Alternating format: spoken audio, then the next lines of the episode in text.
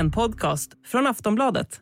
Let's go to breaking news now. The Australian Open draw is currently underway as the world awaits a decision from the immigration minister on whether he will cancel Novak Djokovic's visa. Novak Djokovic has sensationally admitted to lying on his entry declaration form and mingling with others while knowingly infected with the virus. His visa hangs on a thread tonight, with the immigration minister yet to decide whether to boot the Serbian from Melbourne. Novak Djokovic hade möjlighet att bli världens främsta tennisspelare genom tiderna om han fått chansen att spela Australian Open. Men under fredagsmorgonen så kom beskedet att han måste lämna landet.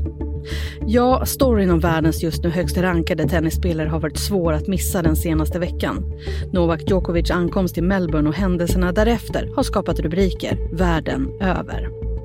Novak Djokovic har inte vaccinerat sig mot covid-19 och för att delta i turneringen krävs dubbla doser.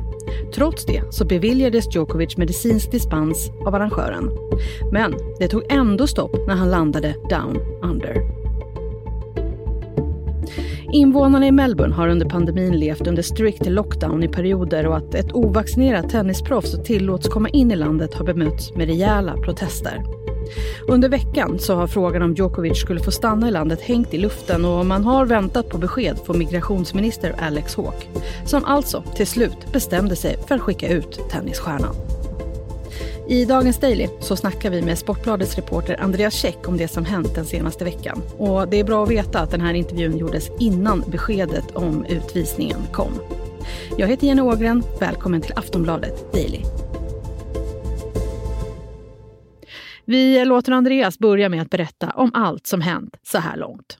Ja, det här har ju varit en soppa utan dess like. Eh, tennisen brukar inte vara så omskriven nu för tiden, men nu handlar det om världens bästa spelare i en eh, extremt polariserad fråga liksom. Eh, om vi ska ta det här från början så för ungefär ett halvår sedan gick Australian Open ut och eh, meddelade spelarna att det, det är dubbel vaccination som krävs för att få delta. Och eh, idag så är 97 procent av eh, topp 100-spelarna både på herr och damsidan vaccinerade. Men alltså inte världsettan Novak Djokovic. Och eh, det som hände var att han undersökte om det fanns no något kryphål liksom. Om det skulle gå att få medicinsk dispens för att få vara med ändå då. Och då vände han sig till eh, turneringen som i sin tur stämde av med Australiens tennisförbund som i sin tur kollade med delstaten Victorias hälsodepartement. Och det här mynnade ut i att han eh, fick besked om att eh, det faktum att han ska ha haft covid-19 under senaste halvåret skulle gälla som medicinsk dispens. Och jag säger ska ha haft infektionen och vi får återkomma till det lite senare. Men eh, problemet visade sig då när han kom fram till Australien var att det här, den här medicinska dispensen inte godkändes av de federala lagarna, alltså på regeringsnivå. Då blev han då stoppad av gränspolis som drog in hans visum och han eh, flyttades till ett eh, hotell för eh, asylsökande där han hölls i förvar då i några dagar. Sen överklagade Djokovic det här beslutet till domstol där han också vann. Men det som togs upp i domstol var själva förfarandet när han stoppades av gränspolis, huruvida det gick rätt till eller inte. Och det visade sig att det inte gjorde. Djokovic hade blivit lovad till 08.30 på morgonen och kontaktat sina advokater för att göra sitt case där, men visumet drogs in 07.29, alltså en hel timme innan. Och då ansåg domaren att eh, den här annulleringen av hans visum skulle ogiltigt förklaras av det skälet. Eh, men det som inte togs upp i domstolen var om hans icke-vaccinering och den här påstådda tidigare infektionen skulle ge honom lov att vistas i landet. Och där är vi nu. Där har immigrationsministern Alex Hawke rätt att köra över alla tidigare beslut och eh, ja, men i, i egen liksom hög person bestämma om han ska deporteras eller inte. Vilket han fortfarande överväger att göra och nu har det gått flera dagar och vi väntar fortfarande på ett besked där. Så där är vi nu. Ja, där är vi nu, men det verkar ju ha varit så många olika turer. Om det, eh, det har snackats om att de här eh, covid-testerna som han ska ha tagit, att de är förfalskade. Har han verkligen haft covid? Och sen är det ju så, Djokovic har ju aldrig gått ut och sagt att han inte är vaccinerad. Visst är det så? Det stämmer. Han har väl indikerat väldigt tydligt att han har varit emot eh, vaccination. Och eh, vi, vi, kan backa bandet några år när Djokovic upptäckte att han var glutenintolerant och sen dess har det egentligen bara skenat. Numera är han manisk liksom vad gäller vad han stoppar i sig och han är emot modern medicin och han träffar gurus och typ shamaner som säger att de kan förvandla giftigt vatten till helande vatten och så här. Han är väldigt, väldigt eh, eh, manisk vad gäller just det där och ja, antivetenskaplig får man väl lov att säga också. Men han har aldrig sagt rakt ut att han inte är vaccinerad, men det har ju visat sig nu i, när det har blivit rättsliga processer och han har behövt lägga fram dokument. Då. Ja, det, och det verkar ju också som att det finns så många delar i den här historien som inte stämmer. Ja, det gör ju det, eh, minst sagt. I eh, de dokumenten som lämnades in både till gränspolis och i domstol så påstod Djokovic via sina advokater då att han fick ett PCR-test med bekräftad smitta den 16 december. Och eh, senaste dagarna här så har det kommit bilder som visar att han befann sig på ett stort event hemma i Belgrad den 17 december, alltså dagen efter. Eh, det här var ett stort event med typ 20 ungdomar där han var på plats och skulle dela ut priser. Det finns också bilder från den 18 december där han var och gjorde en intervju med franska tidningen L'Equipe. Och eh, det här är ju minst sagt eh, problematiskt då för att då ska han ju redan ha varit konstaterad smittad. Eh, häromdagen så höll Djokovic presskonferens. Eh, fa eh, Djokovics familj presskonferens ska jag säga. Mamma, pappa och eh, brorsan då var med. Och då fick de frågor om just det här. Och det ville de inte svara på utan då förklarade de presskonferensen avslutad istället. Eh, men det har ju blivit extremt mycket snack om, om just det här så att Djokovic kände väl sig nödgad att bemöta saken. Så att igår släppte han ett uttalande via sina sociala medier där han hävdar att eh, den 14 december då var han på en basketmatch och där ska flera personer ha smittats. Så den 16 december tog han ett antigentest som han påstår var negativt men för säkerhets skull tog han också ett PCR-test den dagen, alltså den 16 december. Men i sitt uttalande här så hävdar Djokovic att han inte fick svaret på PCR-testet förrän dagen efter, alltså den 17 december. Så antingen ljuger han ju eller så har de skrivit fel i dokumentet. Eh, oavsett så är det ju problematiskt. Och också alldeles oavsett så erkänner han ju att han visste att han var smittad den 18 december när han var och gjorde den här intervjun med eh, Lekip. Ja, och det här har ju också varit en stor snackis även utanför sportvärlden den senaste veckan och många är riktigt förbannade på Djokovic och man pratar om att han står över alla andra för att han är rik och berömd. Hur skulle du säga att det här påverkar bilden av honom?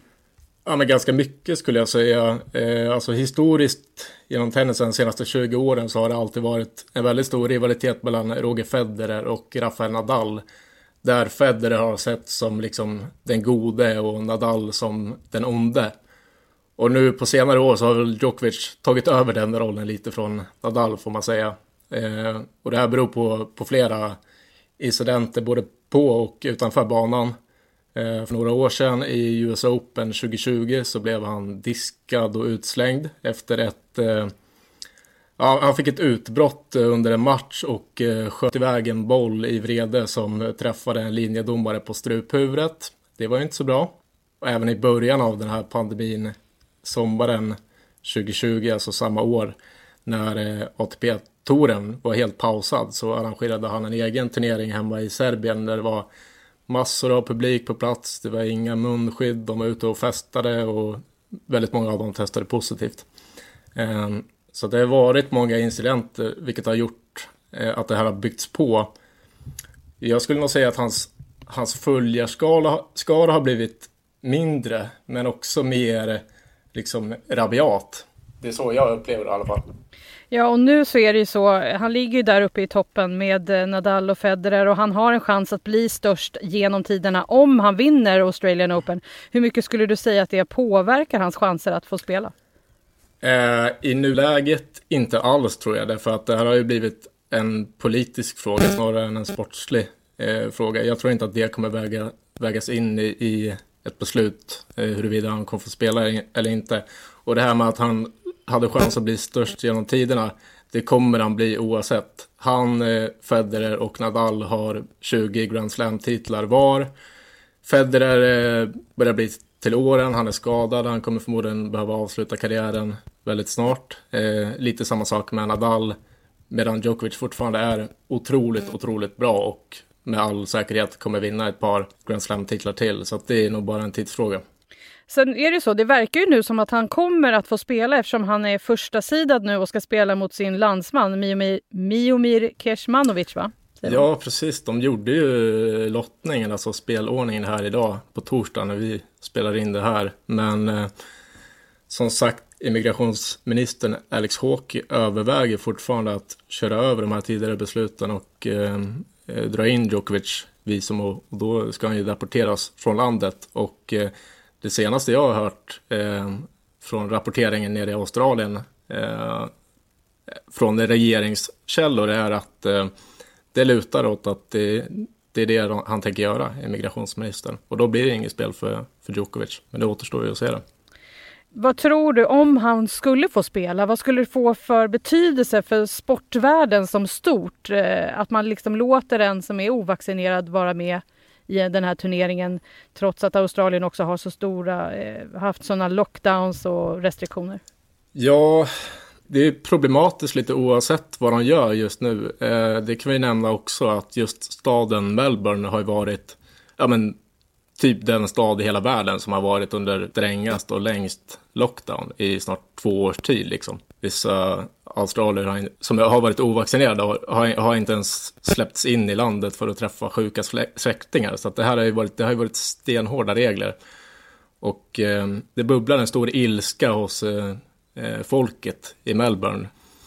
Det gjordes en, en omröstning idag eh, online där typ 60 000 eh, tillfrågades i någon slags enkät då och 80 procent tyckte att han eh, skulle kastas ut ur landet. Eh, så att det säger ju rätt mycket om deras syn på, på honom just nu. Och jag misstänker också att det kan bli rätt stökigt, eh, alltså på läktarhåll om han får spela här därför att vi har ju sett att det är väldigt många serber och Djokovic-anhängare på plats där nere i Melbourne och de ska ju ta in publik på matcherna. Eh, visserligen bara i reducerad kapacitet, de får ta in 50 procent av eh, vad läktarna rymmer och det är dubbel vaccination som krävs. Men jag menar det är ju extremt polariserat och det finns ju två läger och ingenting mittemellan så att säga. Så att jag tror att det kan bli ganska hetsk eh, stämning även på läktarna om han nu får spela. Och hur skulle du säga att snacket har gått då i tennisvärlden om hela den här härvan? Ja, men nu är det bara några, några dagar tills turneringen ska börja, men eh, under hela liksom lead-upen till, till turneringsstart så har allt snack handlat om just det här. Det har inte varit något fokus på det sportsliga, utan alla spelare som gör presskonferenser inför får frågor om Novak Djokovic. Och vissa drar sig från att eh, säga någonting, andra är väldigt tydliga med vad de står i, i frågan. Men jag skulle säga att det, det, är en upprörd stämning även inom tennissfären och eh, bland spelarna själva. Om nu Djokovic får spela i turneringen, hur ser hans chanser ut? Ja, men jag skulle väl säga att de är goda i och med att han alltjämt är den bästa spelaren i världen och brukar prestera bra i just Australian Open. Sen är väl frågan hur han påverkas av allt det här runt omkring. Det är möjligt att det påverkar honom negativt, eh, men det finns också en aspekt i att Djokovic har en förmåga att höja sig ännu mer när det eh, liksom blåser motvind och folk är emot honom. Då är det som att han knyter näven ännu lite hårdare och ska motbevisa alla tvivlare. Så vi får se, men alldeles oavsett så kommer han vara stor favorit om han nu får ställa upp. Andreas, vad tror du? Spelar han Australian Open på måndag? Jag tror inte det. Men eh, den här soppan har ju varit så otroligt lång och utdragen och svängt fram och tillbaka så vem vet. Min känsla här och nu är att han inte kommer få spela. Sist här hörde vi Andreas Käck som är reporter på Sportbladet. Jag heter Jenny Ågren och du har lyssnat på Aftonbladet Daily. Ett eh, Daily som är inspelat den 13 januari så det kan alltså ha hänt saker i det här fallet. Så läs mer om allt detta på sportbladet.se. Och Du får också gärna följa Daily i din poddspelare så du inte missar när nästa avsnitt kommer ut. Vi hörs snart igen. Hej då! Du har lyssnat på en podcast från Aftonbladet. Ansvarig utgivare är Lena K Samuelsson.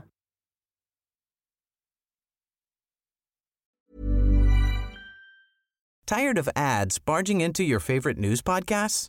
Good news. Ad-free listening is available on Amazon Music. For all the music plus top podcasts included with your Prime membership. Stay up to date on everything newsworthy by downloading the Amazon Music app for free or go to amazon.com slash news ad free. That's amazon.com slash news ad free to catch up on the latest episodes without the ads.